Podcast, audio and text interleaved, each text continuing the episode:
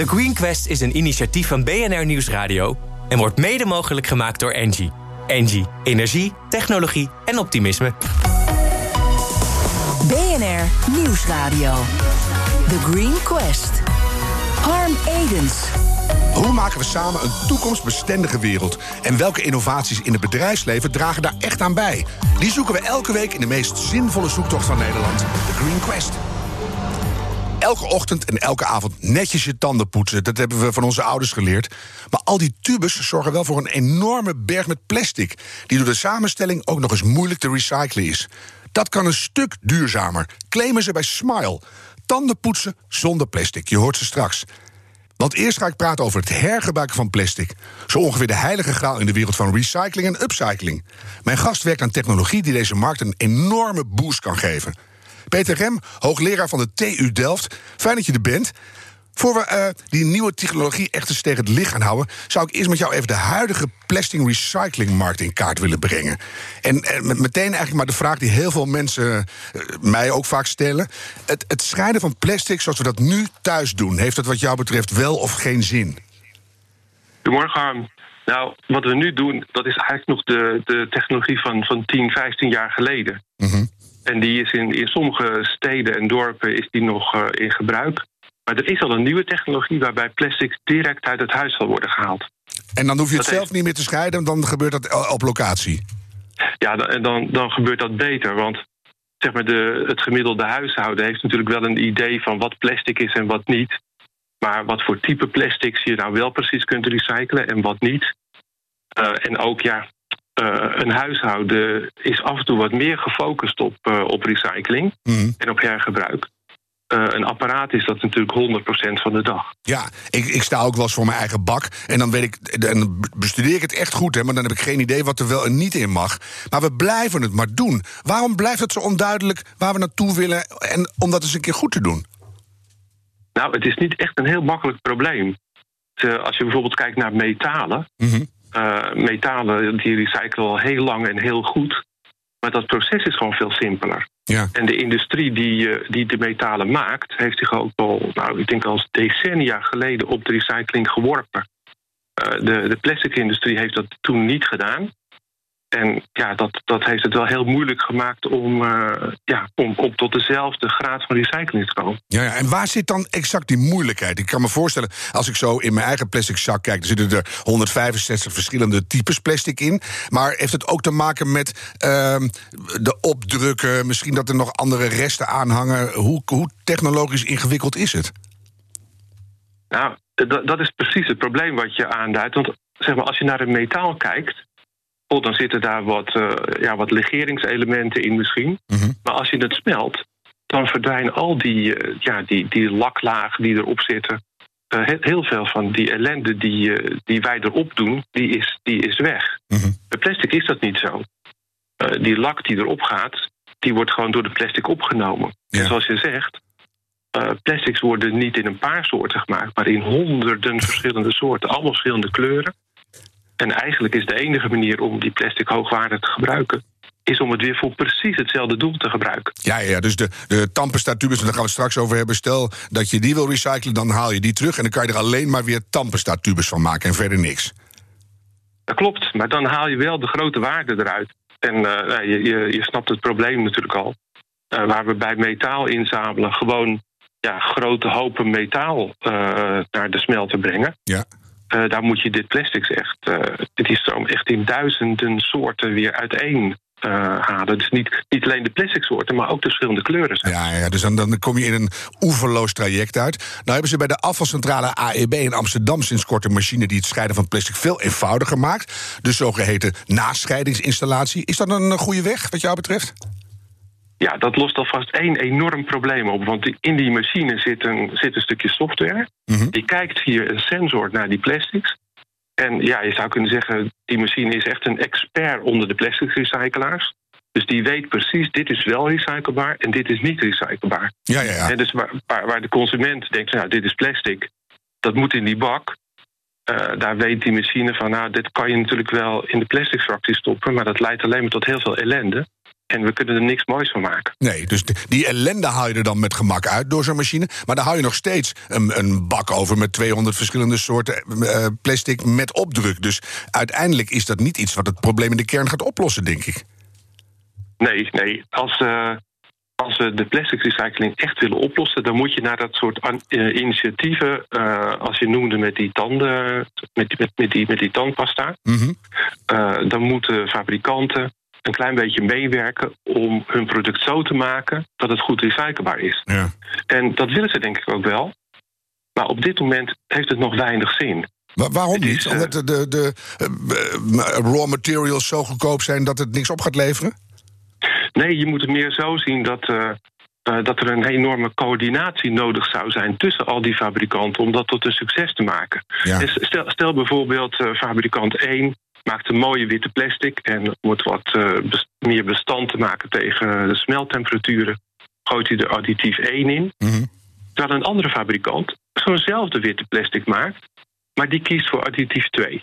Ja. Nou, je gelooft het niet, maar zelfs als die plastics volkomen identiek zijn, behalve die twee additieven, is het zo dat als ze samen gesmolten worden, dan wordt die witte plastics opeens geel, omdat die additieven met elkaar reageren. Ja, ja. Dus dan ben je alweer op een plek waar je helemaal niet wil zijn. Hè?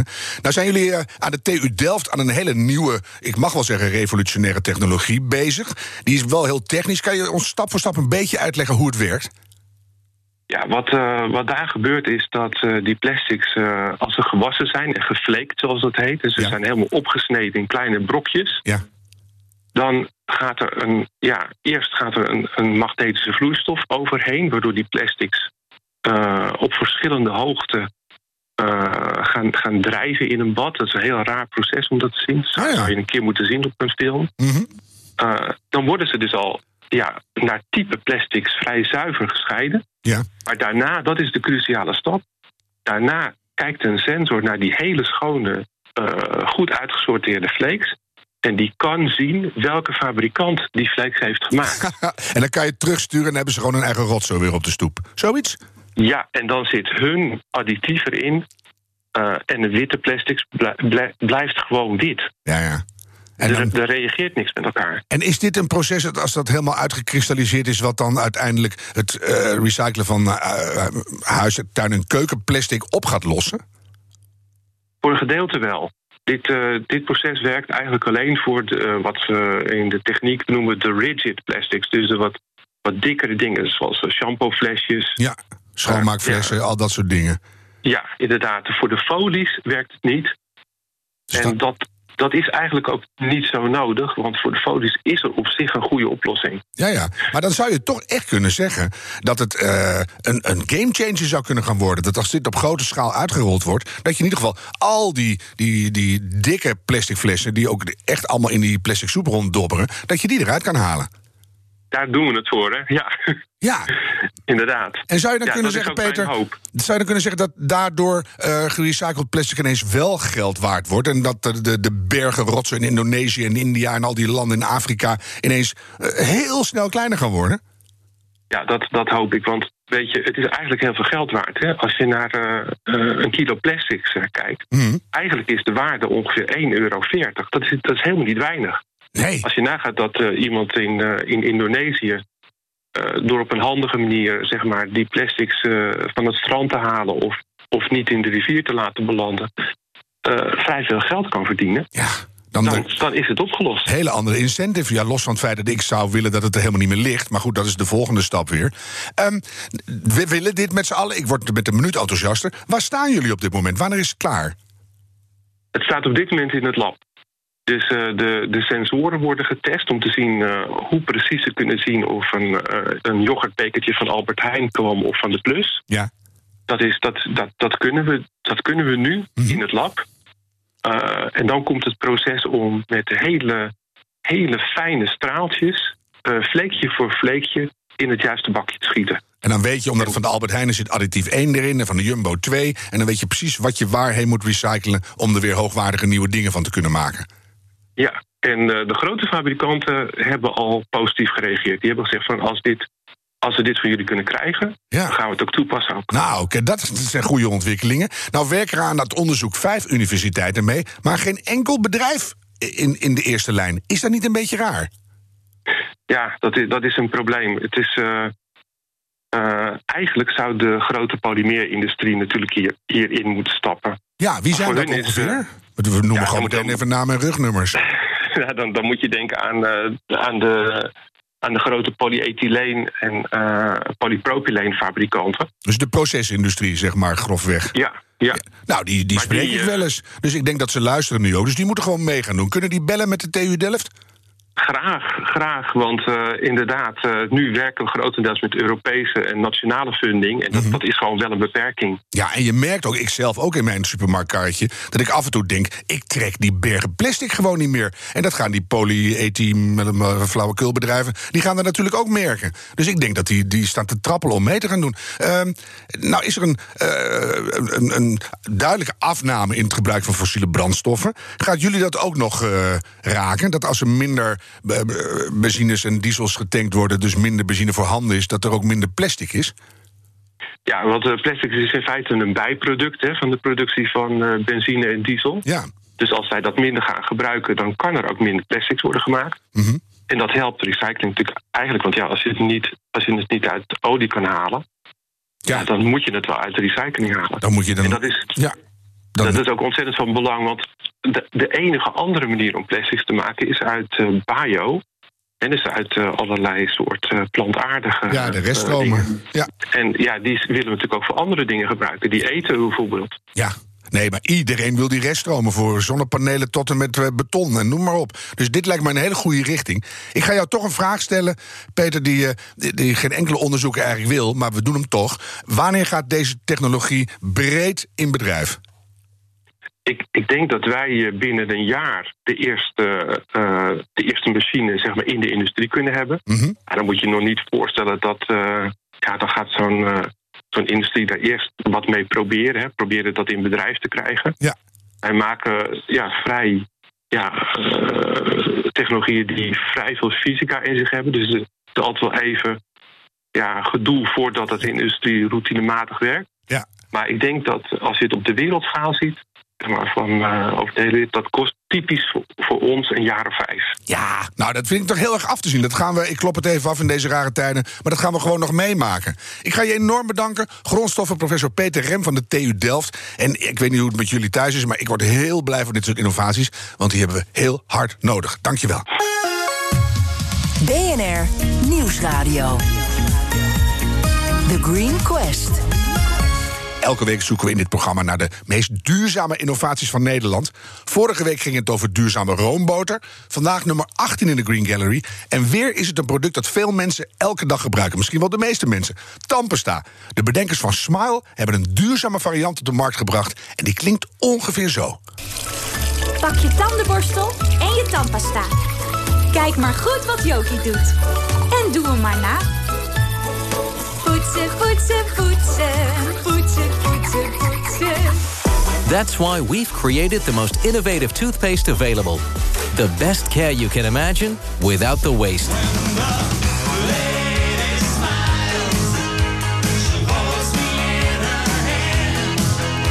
Ja, dat is heel gek, maar we zitten hier eh, gewoon keihard alle twee te grijnzen. Alma Fernhout van Smile, want die is hier bij ons. En van een afstandje, ik denk dat ze ook zit te lachen, luistert mee. Jurylid en duurzaam ondernemer Annemarie Rakhorst. Um, Jazeker. Ah, ah, fijn Annemarie. Almar, uh, de, de belangrijke beginvraag. Zou je aan ons en aan de luisteraars willen vertellen... wat jullie innovatie precies inhoudt? Ja, dat uh, kan ik, Harm. Uh, wij hebben een, uh, een variant ontwikkeld in vaste vorm. Uh, dus een tandpasta tabletje. Dus je hebt allerlei uh, stoffen die niet altijd best zijn. Uh, die heb je niet meer nodig. Je stopt het in je mond koud twee keer. Natte tandenborstel erop. Elektrisch of gewoon. Een bamboe het liefst. En poetsen zoals je altijd deed. Crush, brush en smile, zeggen wij.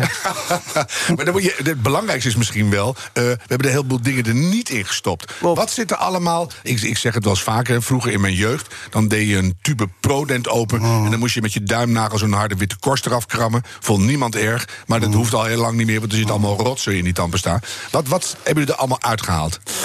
Um, nou, we hebben een, een 100% natuurlijke variant uh, hebben we gemaakt. En dat hield in dat er een aantal stoffen gewoon uit moesten. We wilden het vegan hebben. Nou, er zit heel vaak glycerine in, uh, in tandpasta. Uh, dat houdt het soepel. En er zitten heel vaak microplastics in, omdat het moet glimmen.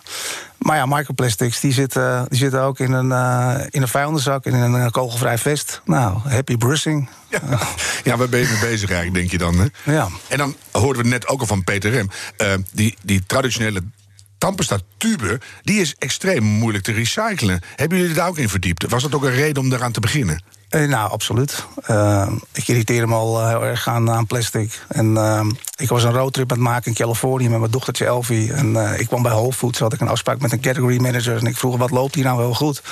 Hij zegt, heb je even? Ik zeg, ja hoor. Nou, en hij kwam onder andere met een, met een vaste tandpasta variant. Ik denk, hé, hey, dat is cool. Wat ga ik doen? Ga ik het importeren? Of ga ik een eigen receptuur maken met, met, met, met de professionals? Ja. En bouw ik het helemaal vanaf nul af aan op? Nou, dat was een zoektocht van tien maanden, maar het is wel gelukt. Oh, dat vind ik nog wel te overzien. Maar waarom heb je niet gewoon die Amerikaanse pillen laten overkomen? Nou, omdat ik liever zelf achter het stuur zit.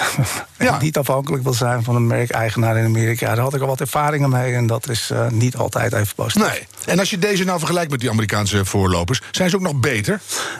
Deze zijn, uh, deze zijn zeker beter. Kijk, de smaak in ieder geval beter. Dat is ook en, wel belangrijk. En, en, en, en, dat zeg ik niet alleen. Want we maken ze ook voor Amerikaanse partijen in een uh, private label variant. Dus die halen bij ons in Nederland deze mooie tandpasta-tabletjes. We maken ze in, uh, in Brabant. Daar kunnen ze goed pillen fabriceren. Gewoon in Nederland gemacht? Gewoon in Nederland ook gemaakt. Made in Holland. Ja. Nog, Annemarie gaat jou zo een paar kritische vragen stellen. Kun jij eerst even beschrijven... Over Brabant. ja, ze zit ook alsmaar binnen. Ze, ze is een ja. beetje eenzaam aan het worden. Dus kan je even beschrijven aan Annemarie hoe het eruit ziet? Ja, dat is jammer dat het geen tv is. Nee, maar, uh, vandaar. Het zit in een, uh, ja, vinden wij zelf een heel cool uh, glazen flesje. En we werken met een refill component van helemaal een biodegradable papier. Dus je koopt eigenlijk één keer een glazen flesje en daarna je, je refill en je giet het erin. En, ja, het staat ook nog heel mooi. Het ziet er heel leuk uit, met een soort hippe 60-achtige uh, vormgeving. Blauw, grijs, uh, ja, mooi, lichtblauw. Dus uh -huh. echt iets wat je, wat je wil hebben. Zit er een tandpasta bij, of een tandenborstel bij... en het kan door de brievenbus ja. in een klein verpakkingje. Ja. Annemarie, ja, ik ben benieuwd naar jouw eerste reactie. Ja, ik vind het echt een heel mooi product. En uh, niet op de laatste plaats, omdat we het allemaal elke dag uh, uh, gebruiken. Mm -hmm.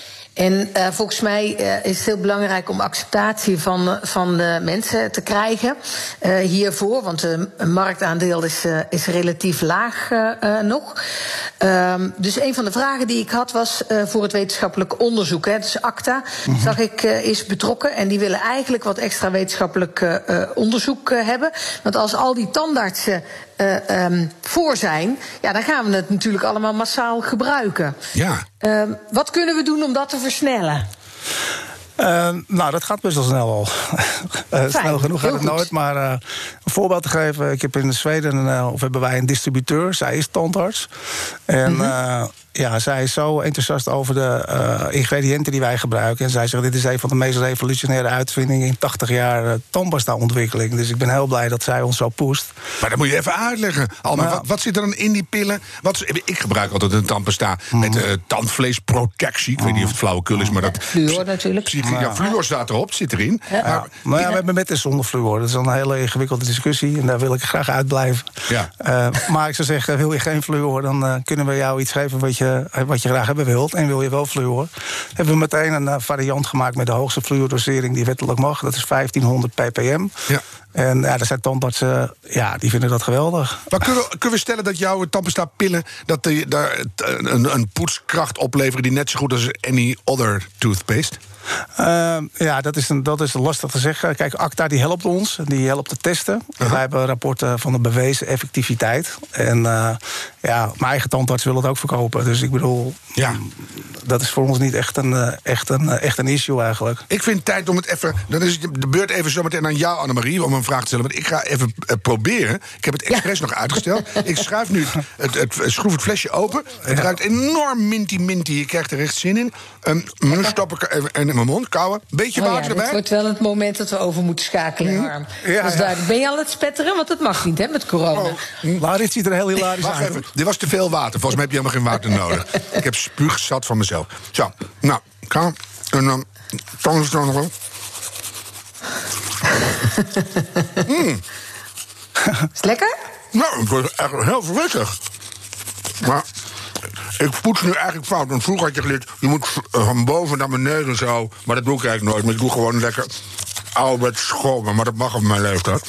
Uh, heb jij nog een vraag, Annemarie? Ja, zeker. Dus ik was heel benieuwd naar de ACTA-studenten. Want het is zo'n prachtige innovatie. We hebben natuurlijk elk jaar uh, ja, een paar honderd uh, studenten die uh, tandarts willen worden over vier jaar. Oh. Kunnen die gaan helpen om dit product te pushen en te promoten? Nou, dat zouden wij geweldig vinden. Uh, ik ben sowieso erg van het samenwerken. En iedereen uh, die dit wil helpen uh, accelereren, ja, dat, dat juich ik alleen maar toe. En ik zou graag daar een keer over in gesprek gaan. Ja. En hebben jullie al contact met jonge studenten van ACTA? Nee, nee, eigenlijk alleen met echt de research-afdeling van ACTA. Ehm, okay. dus, dus het, de, de, de, wat jij nu uh, ja, aanbiedt, dat, is, dat zou een hele mooie zijn. Ja, ik vind het, het is een goede club daar. Ik heb er ooit een keer een half jaar wangfysiotherapie gehad. Daar gaan we verder niet op in. Maar ah. het is wel gewoon het tandtechnisch innovatiecentrum van Nederland. Dus. Ja, en dan heb je natuurlijk Radboud uh, erbij in uh, Nijmegen. Ja. Dus als je daar een beetje binnen kunt komen... dan uh, denk ik dat het best snel zou kunnen gaan. Ja, ja, ja, we zien het nu al best wel snel gaan. Uh, maar het, is, het, is, ja, dat is, het is, zou geweldig zijn, absoluut. Ja, want... Vertel daar eens wat over. Want ik ben heel benieuwd naar de omzetgroei of, of uh, het aantal abonnementen... of hoe dat je ja. het ook uit wil drukken. Nou, wat wij, we zijn sinds juli zijn we echt live. Uh, dat vergt wel wat voorbereiding. We doen heel veel social mm -hmm. advertising. We hebben nu 15.000 mensen blij gemaakt. En uh, dat, uh, dat ja, verdeeld over 14 landen. Wel de focus op Nederland, maar we hebben ook een aparte Duitse website... en een .com website waar we het buitenland mee bedienen. Mm -hmm. En ja, het is ook heel grappig om te zien hoe mensen dit naar elkaar doorsturen. Want we deden geen advertising in Amerika, maar ja, we hadden er wel aardig wat, wat abonnees toch gehaald. Ja. En er komen ook vragen dan van mensen uit Amerika die zeggen... I really love your minty taste, but you really make me happy when I can brush my teeth with a pizza taste. En dan denk je, ze zijn gek. maar dit zijn geen grappen. En dan ga je daar serieus zegt, over nadenken. Zeggen, eh, hoepel op met je hopeloze cultuur. Nou, dus, nee, wat, wat wel leuk is, wij verkopen rechtstreeks aan onze klanten direct to consumer. Dus je kan heel goed in gesprek van, nou, wat zou je graag zien voor smaak? Nou ja, dan krijg je de meest hilarische reacties. Dus ja, we, we willen Tony Chocoloni van de mondverzorging worden. Allemaal oh, leuke, mooie ja. smaken. Maar, ja, dat is in ieder geval heel goed en heel dicht naar de consument uh, toe. Ja, maar ja. uiteindelijk, Annemarie, is natuurlijk de belangrijkste vraag. Je hebt het allemaal gedaan om van die plastic soep af te komen. Hoeveel mm -hmm. tubes heb je nou ondertussen al uh, uit de markt gehaald? Uh, ja, dat is echt een, uh, het is echt ook wel een missiegedreven verhaal. Het is niet alleen maar marketing, maar wil je impact maken, dan moet er wel uh, tot actie worden overgegaan. Anders blijft het bij praten. En ja. dat is leuk, Harm. Maar ja, actie, dat, dat is het. we hebben nu 85.000 tubes tandpasta bespaard. Ehm, ja, we hadden een actie, dat heet 1 miljoen tubus. Ook geholpen door Marjan Minnesma van de Agenda. Ze zit ook in de Raad van Advies bij ons. Kijk, ook goed. Als David Stellenberg van de Doorn. Die helpt ons ook bij het perfectioneren en tweaken van de boodschap. Heel ja. blij met deze mensen. Uh -huh. en, um, maar die 1 miljoen tubus, dat staat gelijk aan dat, hoeveel besparing? Aan 1 miljoen tubus. Nee, 8.500 tubus harm. Nee, we hebben nu 85.000 tubus bespaard. Oh, 85.000. Ja. En we willen naar een miljoen. Dus ik zou zeggen, uh, grote retailpartijen... neem contact met ons op. We willen het schap in. Ja, maar ik heb mijn huiswerk gedaan, Almar. En 1 miljoen tubus, dan bespaar je CO2... Uh, 225.000 bomen die had je dan nodig gehad om dat niet te doen. Dus weet je, je dat is enorm veel impact. Nou, het is een product wat gewoon heel... de impact die je kan maken, kan heel snel groeien... omdat iedereen het dagelijks gebruikt. Dus ja... ja. Het is een, uh, het eigenlijk een hele simpele. Ja, nou heb je een uh, abonnementsmodel. Hè? Je kan het gewoon eh, bestellen en dan komt het door de brievenbus. Ja. Is het niet veel handiger dat je bij al die grote supermarkten in het schap ligt? Nou, beide. Kijk, uh, het, het, het e-commerce stuk vinden wij heel interessant. Omdat de data, ja, data is gewoon goud. Dat weten we wel elke bij elk groot bedrijf uh, snappen ze dat ondertussen wel. Uh, dus daar zijn we mee begonnen. En dat was ook gewoon uh, onze focus. Alleen retail meldt zich wel. En we, zijn ook, we hebben een deal met Picnic gemaakt. Daar zijn we heel blij oh. mee. Mooi. Kijk. En ja, die past Zit ook heel goed. ook in Parijs, zag ik. Ik zag het, ja. Ze gaan lekker Frankrijk in. En weet je wat zo leuk is, Marie? Heel leuk, heel leuk. Dan kunnen we van Guardian Noord op jouw elektrische scooters... al tanden poetsen naar de Georges Sank. Nou, dan, dan wordt het nog eens wat met deze wereld. Mag ik achterop dan, Dan moet even corona voorbij zijn. ja. Annemarie, heb jij nog één korte tip voor Almar?